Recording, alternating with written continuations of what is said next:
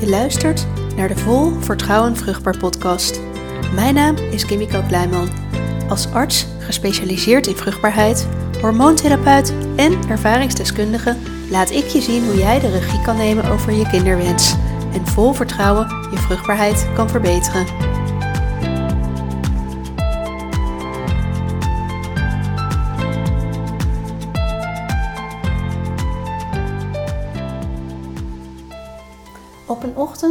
In het eerste jaar na de start van Sakura Clinics werd ik wakker en ik wist het. De naam van mijn 1 op 1 traject zou zijn Vol Vertrouwen Vruchtbaar. Want dat is eigenlijk exact wat ik in dit traject voor cliënten wens. Dat ze vol vertrouwen hun vruchtbaarheid kunnen optimaliseren. Natuurlijk wil iedereen het liefst zo snel mogelijk een gezond kindje. Maar je wil ook zeker weten dat je er alles aan doet, of achteraf dat je er alles aan gedaan hebt om die kans zo groot mogelijk te maken. En daarnaast wil je naar mijn idee in de periode van kinderwens het liefst zoveel mogelijk dat vertrouwen hebben en houden. Vandaar dat ik denk dat de naam Vol Vertrouwen Vruchtbaar eigenlijk precies de lading dekt. En inmiddels niet meer alleen van het 1 op 1 traject, maar eigenlijk van alles wat ik binnen Sakura doe. Het online programma, maar ook deze podcast. Vol vertrouwen vruchtbaar staat voor mij dan ook eigenlijk voor twee dingen. Het lichamelijke deel, het optimaliseren van je vruchtbaarheid, maar ook het mentale deel. Het vertrouwen kunnen houden in een soms best wel hele lastige en heftige periode, vol met ups en downs. En door aandacht te hebben voor beide kanten, denk ik dat de periode van kinderwens een zo mooi mogelijke periode kan zijn en dat is natuurlijk iets wat ik mijn cliënten gun, maar ook jou als luisteraar van deze podcast op het moment dat je zelf nu een kinderwens hebt. Voor het optimaliseren van de vruchtbaarheid, het lichamelijke deel, kijk ik graag echt wat breder dan alleen naar de vruchtbaarheid zelf. Er zijn namelijk zoveel factoren in je leven, in je gezondheid, in je lichaam, die een invloed hebben op de vruchtbaarheid, maar waar in de reguliere zorg weinig aandacht aan besteed wordt en waarvan sommige mensen zich eigenlijk ook niet realiseren dat het invloed heeft op de vruchtbaarheid.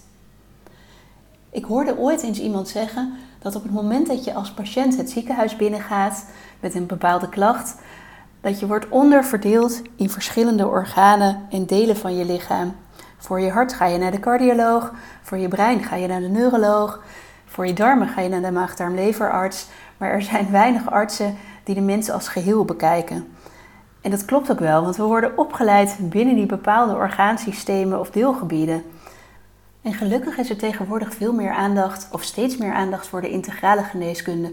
Maar toch is voor sommigen de term holistische gezondheidszorg, zoals ik het dan graag noem, echt nog wel een beetje een term waarvan mensen denken: ja, wat moet ik hier nou eigenlijk mee en wat houdt het nou precies in?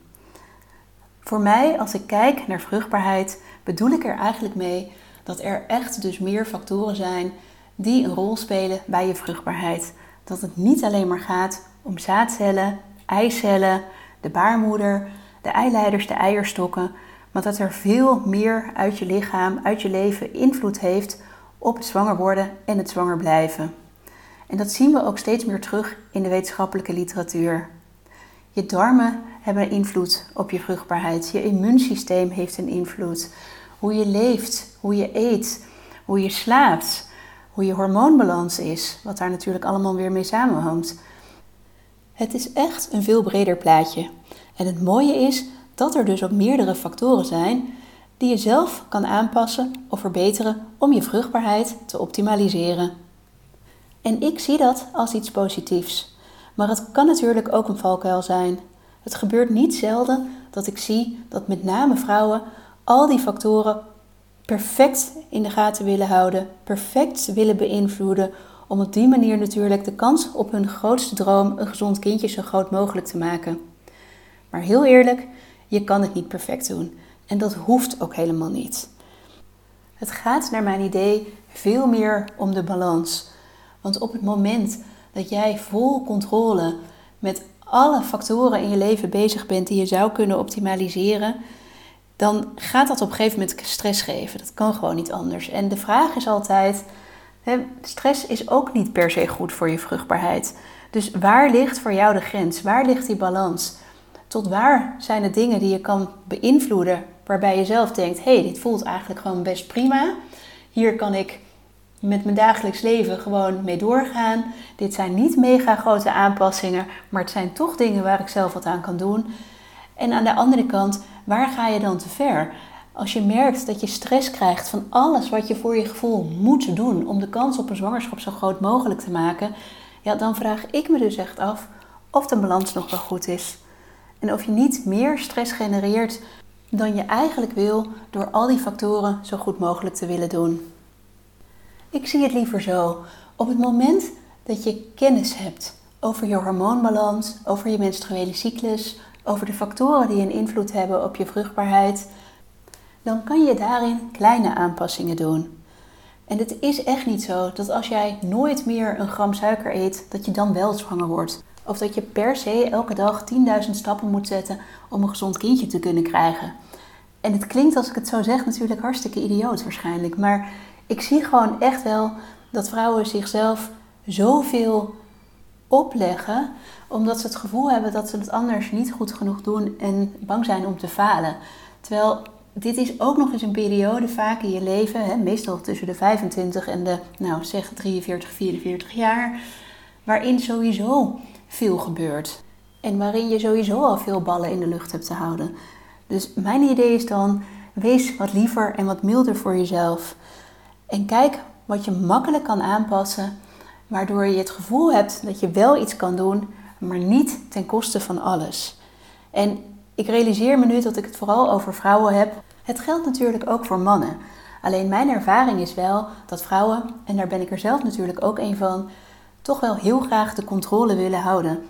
En controle houden in een periode van kinderwens is nou net gewoon lastig.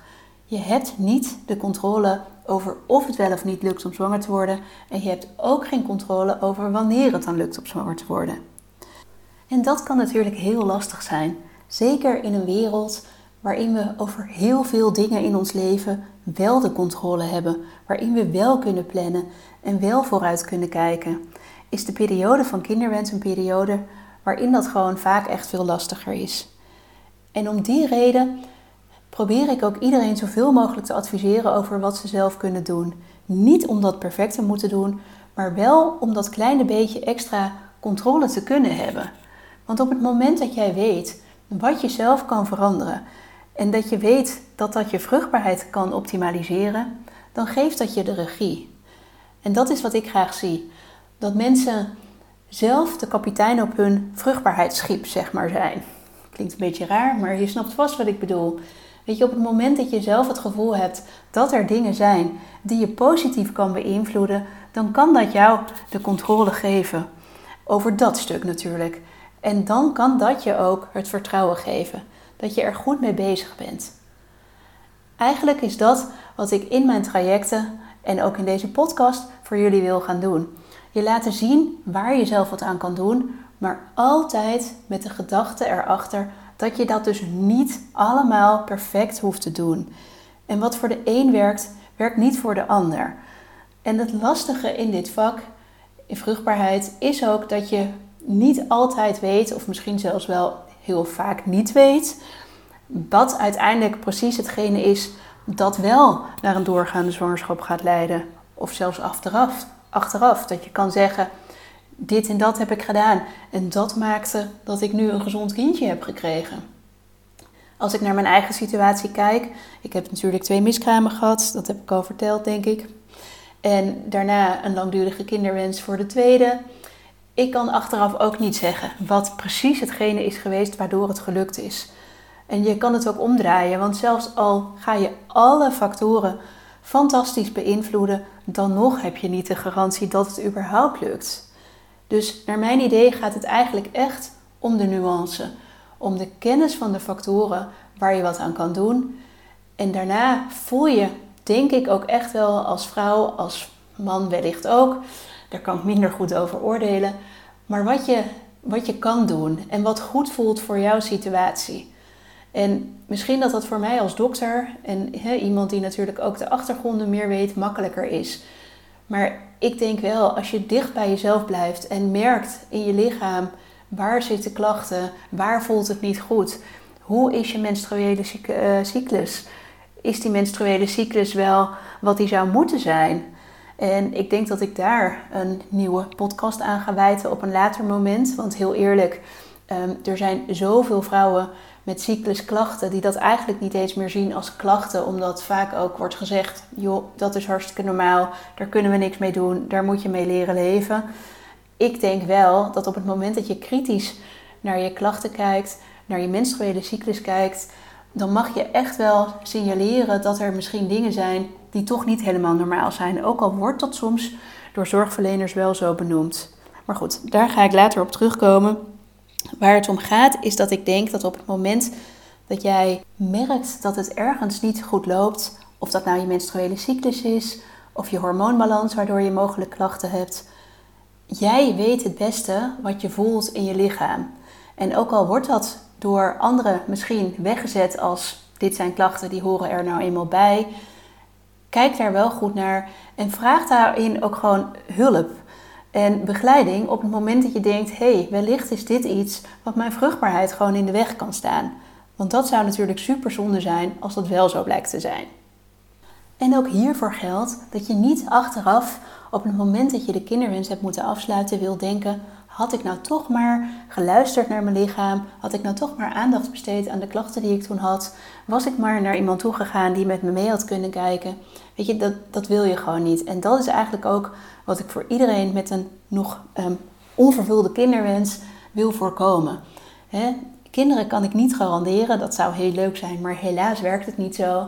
we hebben nooit ehm, zelf compleet in de hand of het wel of niet gaat lukken, dat zei ik al eerder. Maar waar je natuurlijk wel naar kan kijken is hè, op het moment dat um, ik doe wat ik doe. Um, klinkt een beetje bijzonder misschien dit, maar op het moment dat je hè, weet, ik heb dit en dat gedaan voor mijn kinderwens om het te optimaliseren. Um, ik heb goed naar mijn lichaam geluisterd. Weet je, dan kan je het achteraf ook makkelijker afsluiten zonder jezelf daarna nog te moeten kwalijk nemen of je bepaalde dingen misschien wel of niet had moeten doen. En nou ja, dat zei ik eerder al in de vorige podcast. Toen ik zelf een kinderwens had, realiseerde ik me dat eigenlijk pas. Dat het natuurlijk gaat om die grote droom, dat kindje wat je zo graag wil hebben. Maar ook om de wetenschap dat je er voor jouw specifieke situatie aan gedaan hebt wat je kon doen om die kans zo groot mogelijk te maken. Inmiddels ben ik in het verhaal natuurlijk eigenlijk al van het lichamelijke deel overgestapt op het mentale deel. Want vol vertrouwen vruchtbaar staat dus ook voor het mentale deel. En vertrouwen hebben en houden in de periode van kinderwens kan soms gewoon echt best wel heel erg lastig zijn. Toen ik zelf die kinderwens had, met name voor ons tweede kindje, had ik in het begin ontzettend veel vertrouwen. Ik was drie keer eerder vrij makkelijk zwanger geworden, dus dan ga je ook eigenlijk op het moment dat er een nieuwe kinderwens is ervan uit dat dat wel weer zal lukken. Nou, dat viel dus tegen. Maar ik heb heel lang wel het gevoel gehad: het gaat absoluut wel op de spontane manier lukken. En er waren ook helemaal geen aanwijzingen dat dat niet zo zou zijn. Maar als je dan maand na maand na maand na maand, en dat in mijn geval zelfs een paar jaar, elke keer opnieuw toch weer gewoon gaat menstrueren op de dag dat je dat verwacht en nooit een positieve zwangerschapstest in handen hebt, ja, dan is op een gegeven moment dat vertrouwen nou niet per se helemaal weg, althans niet bij mij, maar het is wel steeds minder. En ook bij vrouwen die natuurlijk wel een positieve zwangerschapstest hebben, maar bij wie het niet goed gaat, daarvoor geldt natuurlijk in feite hetzelfde. Op een gegeven moment, ja, het vertrouwen in je lichaam, maar misschien ook in jezelf, in wat je doet. En voor sommige mensen ook het vertrouwen in de toekomst zelfs, of in hun partner, of in de relatie met hun partner. Ja, die kan gewoon negatief beïnvloed worden door zo'n kinderwensperiode. En dat is dus hartstikke logisch, hè? Want op het moment dat je ehm, start met je kinderwens en je hebt nog heel veel vertrouwen, maar dat wordt elke keer beschaamd. En later ook in een traject waarin pieken en dalen elkaar echt kunnen afwisselen.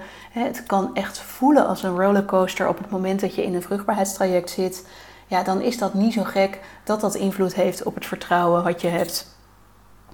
En het is echt niet zo dat mensen die bij mij in het traject zitten Ehm, of dat ik dat zelf had, maar alle dagen vol vertrouwen zijn. Hè, dat, zo klinkt het natuurlijk leuk. Dat is natuurlijk niet helemaal reëel. Ik denk alleen wel dat de dagen waarin je nog wel wat vertrouwen voelt, hè, dat die echt de overhand zouden mogen hebben over de dagen waarop je het helemaal niet meer ziet zitten. En niet omdat ik denk dat je met vertrouwen en een positieve mindset een gezond kind kan manifesteren. Dat denk ik helemaal niet.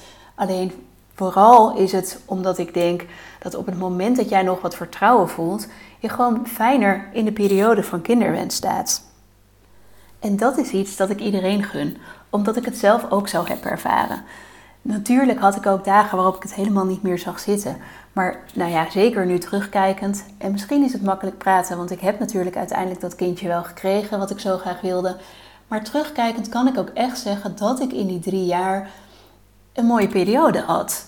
En ik was heel bewust bezig met het kindje waarvan we zo hoopten dat ze zou komen. En ik zeg ze, en daar kom ik later op terug, want ik heb heel sterk het gevoel gehad en gezien ook zelfs in meditatie dat het een ze zou zijn. Dat gaf ook vertrouwen. Hè? Dat, dat ik het ergens op een dieper level voelde, er komt nog een meisje. En natuurlijk wist ik het niet zeker. En als gepromoveerde arts ben ik natuurlijk hartstikke rationeel. Of natuurlijk, dat was ik voorheen zeker. Dat is inmiddels een stuk minder. Ehm, ik ben ook wat ouder geworden inmiddels en dat helpt daarbij zeker. Maar ook toen in die periode heb ik echt bewust mijn best gedaan om niet mijn hoofd te geloven. Want je hoofd maakt scenario's en die zijn niet altijd waar. Sterker nog, die zijn heel vaak niet waar. En ehm, op het moment dat je alleen maar naar je brein luistert, en daar zit natuurlijk ook de angst, het verdriet, de negatieve emotie, ehm, ja, dan is het lastig om vertrouwen te houden. Op het moment Althans, voor mij was dat zo dat ik meer naar mijn intuïtie ging, naar mijn gevoel. Dan merkte ik dat ik er eigenlijk nog best wel rustig onder was. terwijl mijn hoofd hele doemscenario's zeg maar bedacht. Het gaat nooit lukken. Um, je zoon krijgt nooit een broertje of een zusje. Hij blijft alleen achter. Ehm, op het moment dat ik dacht, oh wacht even, dit is mijn hoofd. Ik noem het ook wel eens mijn crazy monkey mind. Er zit een aap ergens in je hoofd. En die zit gewoon de hele dag te tetteren over alles wat er mis kan gaan. Op het moment dat je daarnaar luistert, ja, dan is het natuurlijk ook lastig om dat vertrouwen vast te houden. Maar op het moment dat je meer naar je gevoel kan gaan, meer naar, ja, ik noem het dan je intuïtie. Ik heb geen idee of het goede termen zijn. Ehm, maar ik denk dat je begrijpt wat ik bedoel. Dan is het soms bijzonder om te voelen dat je je eigenlijk dan een stuk rustiger voelt. En en ondanks dat ik ook dagen had waarbij ik ja, het echt niet meer zag zitten en dacht um, alles leuk en aardig. En ondanks dat ik in die meditatie een dochter zag, um, dat wil natuurlijk helemaal niet zeggen dat ze ook gaat komen. Ondanks dat heb ik mezelf echt wel een beetje kunnen, nou misschien soms wel dwingen om ook naar dat gevoel te gaan. En om ook te signaleren dat het dus vooral mijn hoofd was en mijn rationele brein, wat van alles en nog wat tegen me riep ja, waarvan ik eigenlijk helemaal niet wist of dat wel waar zou hoeven zijn. Of dat het ooit de waarheid zou worden. En ik zeg hiermee niet dat het makkelijk is hè, om vertrouwen te hebben en te houden in die periode. En ook niet dat het elke dag zo kan zijn. Maar ik zeg wel dat je er dus ehm, aandacht voor kan hebben. Dat jouw hoofd wellicht het vertrouwen ehm, negatief beïnvloedt. En dat op het moment dat je meer naar je gevoel gaat luisteren, meer naar je intuïtie, dat dat je wellicht al een beetje kan helpen in het houden van vertrouwen. Een ander thema waar ik het ehm, natuurlijk niet, niet over kan hebben op het moment dat we het hebben over het mentale deel van een kinderwenstraject, is het loslaten. En ik hoor het echt nog steeds terug van cliënten dat er mensen of artsen zijn die dan tegen ze zeggen: joh, je moet het gewoon loslaten. Of ehm, nou, je moet gewoon wachten tot je twee keer zes gooit. En als um, zelf patiënt zijnde geweest, denk ik echt, dat kan je alleen maar zeggen op het moment dat je zelf nooit een kinderwens gehad hebt. Want je kinderwens loslaten kan niet. Ga maar eens proberen om vanaf nu tot ehm, morgen, 24 uur later, niet aan je kinderwens te denken. Op het moment dat die kinderwens er is. Dat gaat gewoon helemaal niet lukken. Dus kinderwens loslaten is naar mijn idee, nou, misschien wel het allerbeste, nee, sorry, het allerslechtste advies natuurlijk, wat je iemand kan geven. Zeker niet het allerbeste. Maar je kan wel iets anders loslaten. En dat is een deel van de controle. En nou klinkt het misschien alsof ik mezelf tegenspreek, want ik zei natuurlijk eerder, hè, ik vind dat mensen juist de regie over hun kinderwenstraject, over hun vruchtbaarheid zelf in de hand mogen houden, omdat dat controle geeft. En nu zeg ik dat ze die controle weer moeten loslaten. Dat is niet wat ik bedoel. Ik zie het zo. Je hebt een aantal dingen in je leven waar je echt invloed op kan uitoefenen. En dat zijn dus bijvoorbeeld die factoren waarvan ik net eerder in deze podcast zei, de lichamelijke factoren die je vruchtbaarheid kunnen beïnvloeden. Daar heb je zelf de regie over. Daar kan je ehm, zelf iets aan veranderen. Maar er zijn ook factoren in een kinderwensperiode waar je niets, niets aan kan doen. En dat zijn bijvoorbeeld de wachttijden in het ziekenhuis, ehm, de bejegening van mensen om je heen, van zorgverleners, maar ook van vrienden, um, zwangerschapsaankondigingen. Nou, noem het maar op wat er allemaal zeg maar, van buiten aan triggers bij je binnen kan komen. Dat zijn dingen waar je zelf geen invloed op hebt. En dat zijn naar mijn idee de dingen die je dus mag proberen loslaten. En de controle daarop mag je daarmee ook loslaten. Want jij hebt geen controle over hoe andere mensen jou bejegenen of hoe ze tegen je praten. Je hebt alleen maar controle over hoe je daar zelf op reageert. En ook dit klinkt wellicht weer makkelijker gezegd dan gedaan.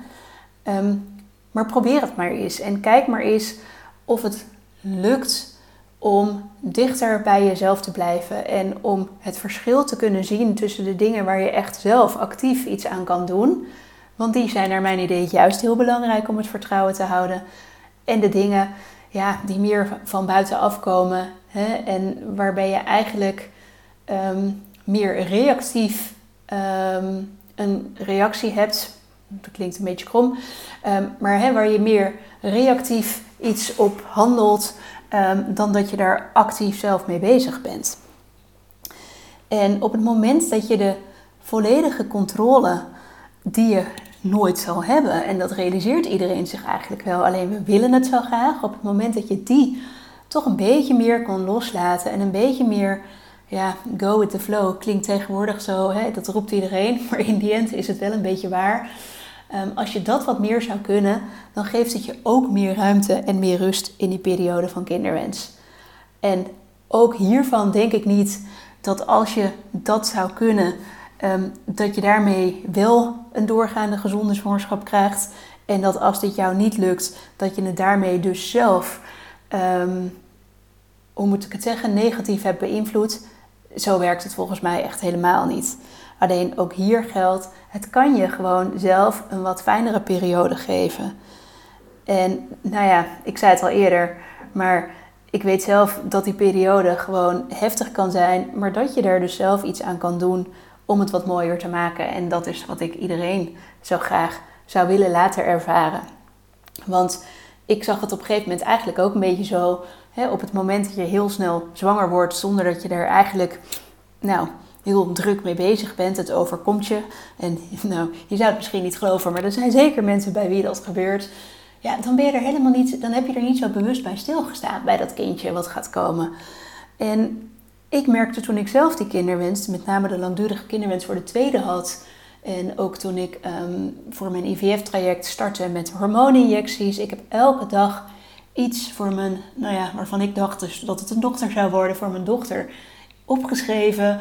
En een, ehm, een paar woorden maar. Maar ik was er zo bewust mee bezig dat ja, het voelde gewoon heel fijn. En natuurlijk kon mijn brein elke keer roepen, maar Kimiko, hey, je weet helemaal niet of ze ooit gaat komen. Dus misschien schrijf je dit wel echt helemaal voor Jan Joker nu op. Dat maakte eigenlijk op dat moment helemaal niet uit. Ik dacht gewoon: oké, als ze komt, dan heb ik nu vast een beetje verbinding. En als ze niet komt, ja, dan voelde het op dat moment gewoon fijn om die verbinding te hebben. En misschien klinkt dit wat gek, maar het heeft mij eigenlijk een hele mooie periode opgeleverd in, die, in dat IVF-traject. En het was zelfs zo dat op het moment dat ik mocht stoppen met de injecties, hè, dus ehm, twee dagen voor de punctie, dat ik echt een beetje soort van nou, heimwee had naar de afgelopen periode. En dat ik dacht op het moment dat ik normaal gesproken zou prikken van oh, het hoeft niet meer, het is klaar. Ik heb ja, eigenlijk ook, ik had natuurlijk door kunnen gaan om iets te schrijven voor haar, maar dat, ja, weet niet, is niet gebeurd. Dus ook dat was er niet meer. Dus het was opeens een beetje, het voelde zelfs een beetje een soort van, ja, leeg en kaal. Dus, um, nou ja, sommige mensen zullen dit ongetwijfeld heel gek vinden. Voor mij werkte het. En het is ook niet zo, hè, want ik begeleid natuurlijk al inmiddels al jarenlang koppels met een kinderwens. Het werkt ook niet voor iedereen hetzelfde. En um, ik probeer vaak mensen bepaalde tools mee te geven, of zoals bijvoorbeeld um, wat ik eerder noemde, die crazy monkey mind te benoemen. Voor sommige mensen werkt het fantastisch om in hun brein een soort van aap te zien die eigenlijk alleen maar ellende tettert. En dat ze het gevoel hebben van hé, hey, als ik nou eens niet naar die aap luister, dan voel ik me een stuk beter. Sommige mensen werkt het fantastisch.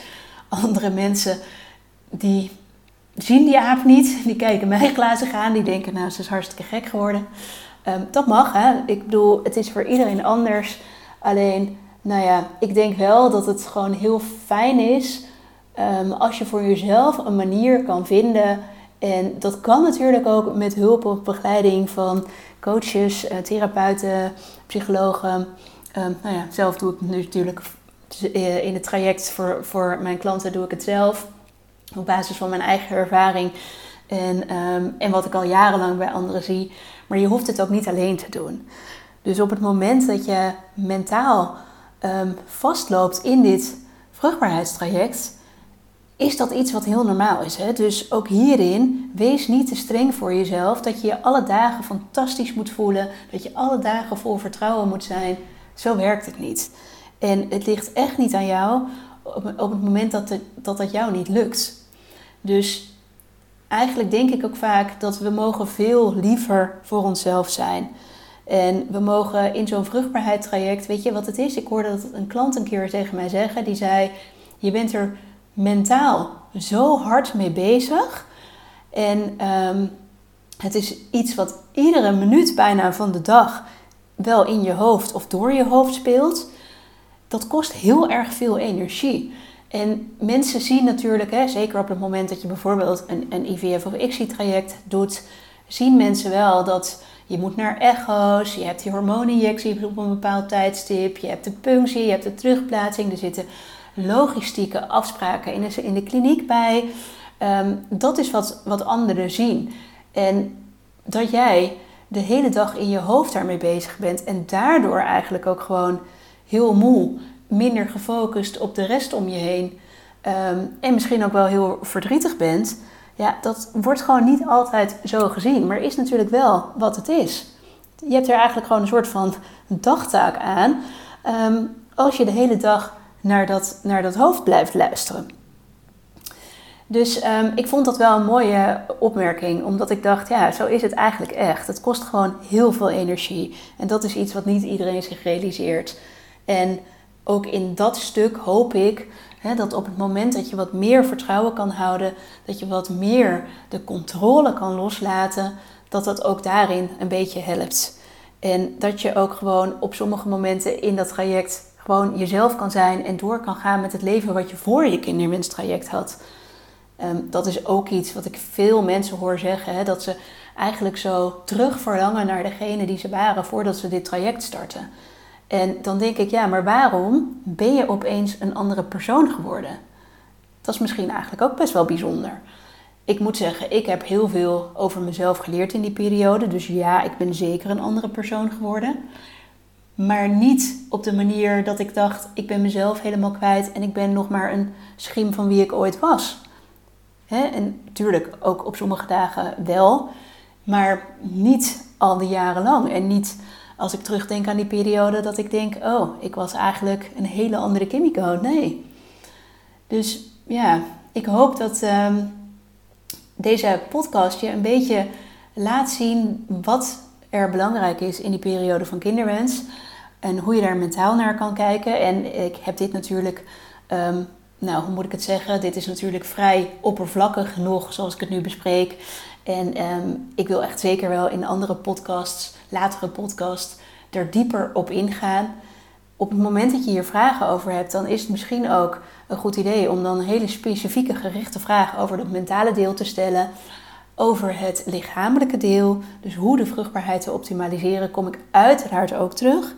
Ehm, maar omdat ik nu ben begonnen met mijn loopbaan in de vorige podcast, met hoe ik het vol vertrouwen vruchtbaar voor iedereen voor me zou zien in deze podcast, um, wil ik de volgende podcast toch eerst weer, of weer, wil ik de volgende podcast eerst iets meer over mezelf en mijn persoonlijke kinderwenstraject vertellen. En ehm, misschien wel met een paar details die ik nog niet eerder zo duidelijk naar buiten heb gebracht. Daar ga ik nog eens even over nadenken. Ehm, in ieder geval voor nu gun ik jou een vol vertrouwen, vruchtbaar periode van kinderwens. En misschien voel je dat vertrouwen niet iedere dag, maar dan het liefst wel zo vaak mogelijk.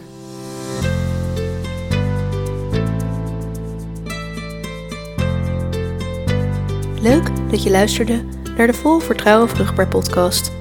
Ik hoop dat ik je heb mogen inspireren om op een andere manier naar jouw vruchtbaarheid te kunnen kijken, zodat je kan ontdekken wat jij kan doen om jouw grootste droom werkelijkheid te laten worden. Wil jij geen aflevering meer missen van deze podcast? Abonneer je dan in de podcast-app waar je nu deze podcast luistert. Je kan daar ook meteen een review achterlaten om mij te laten weten wat je van de podcast vond. Wil je jouw specifieke situatie omtrent je kinderwens graag samen met mij bespreken? Plan dan geheel vrijblijvend een gratis consult in via mijn website www.sakuraclinics.nl. Bedankt voor het luisteren en tot de volgende keer.